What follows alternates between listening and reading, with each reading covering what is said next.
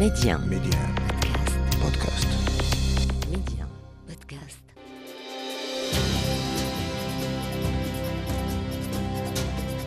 عيد العرش خطاب العرش عشت أول احتفال بعيد العرش في تونس في الحفل الذي تقيمه السفارة وكذلك الاحتفال في مبرة محمد الخامس بيت المغاربة رفقة والدي رئيس الجالية المغربية بصفاقس كنت عندها في السادسة من العمر ثم حضرت أول احتفال بعيد العرش في المغرب بعد العودة النهائية إلى أرض الوطن لبدء دراستي الجامعية في العلوم السياسية بجامعة محمد الخامس بالرباط ومساري داخل الجامعة وبشكل موازن في عالم الصحافة.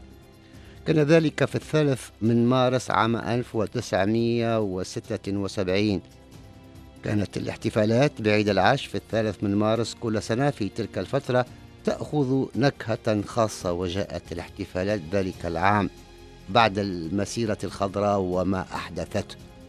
وعدت في بحث جامعي للدراسات الأولى للاحتفال بعيد العرش في العام 1933 نشرت مجلة المغرب مقالة ذيلها صاحبها بدعوة صريحة للسلطات الاستعمارية الفرنسية للسماح للمغاربة بالاحتفال بعيد الجلوس عيد العرش وكان المقال موقعا باسم مغربي.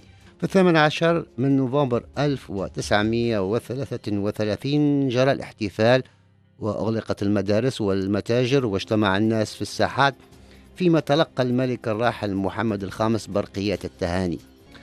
في الثالث من مارس 1977 كان أول خطاب للعرش اشتغلت عليه بعد دخول بلاد صاحبة الجلالة الصحافة المكتوبة في جريدة الميثاق الوطني ولم يتوقف ذلك حتى الآن بعد التحاقي بميديا.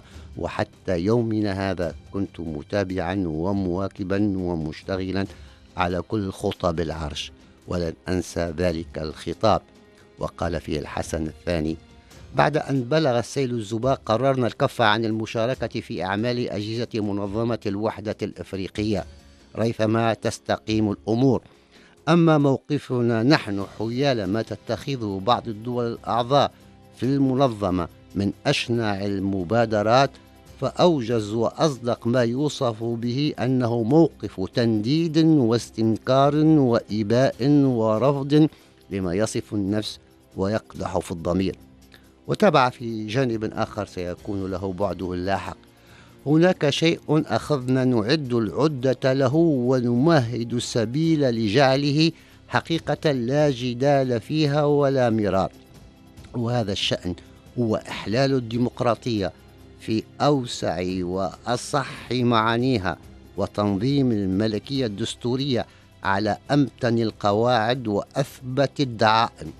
وحرصا منا على أن تكفل المجالس البلدية والقروية وهي قاعدة الهرم اختصاصات واسعة ومسؤوليات كبيرة. وجهنا الجهود إلى إعداد نص جديد تسطر فيه هذه الاختصاصات والمسؤوليات. وتم إجراء انتخابات هذه المجالس الجماعية وتبعها انتخاب المجالس الإقليمية وستتلو هذه الإجراءات إجراءات لاحقة رامية إلى انتخاب أعضاء مجلس النواب.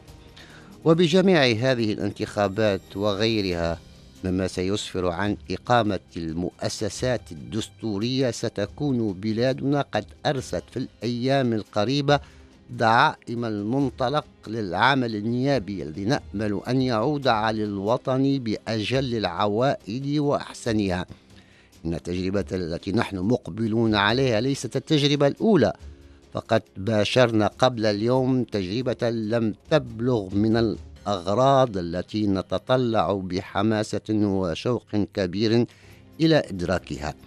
لذلك فإن حرصنا شديد على أن تكلل التجربة التي نيسر لها أقوى الأسباب في ظروفنا الراهنة بأكاليل النجاح الذي يبعث على كامل الرضا وخالص الارتياح.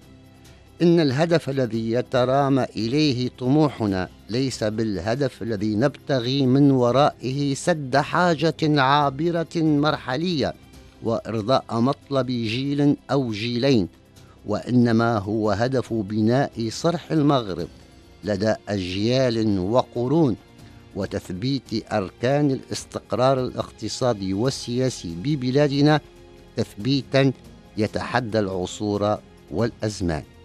كان ذلك أول خطب العرش للعاهل الراحل الحسن الثاني الذي اشتغلت عليه.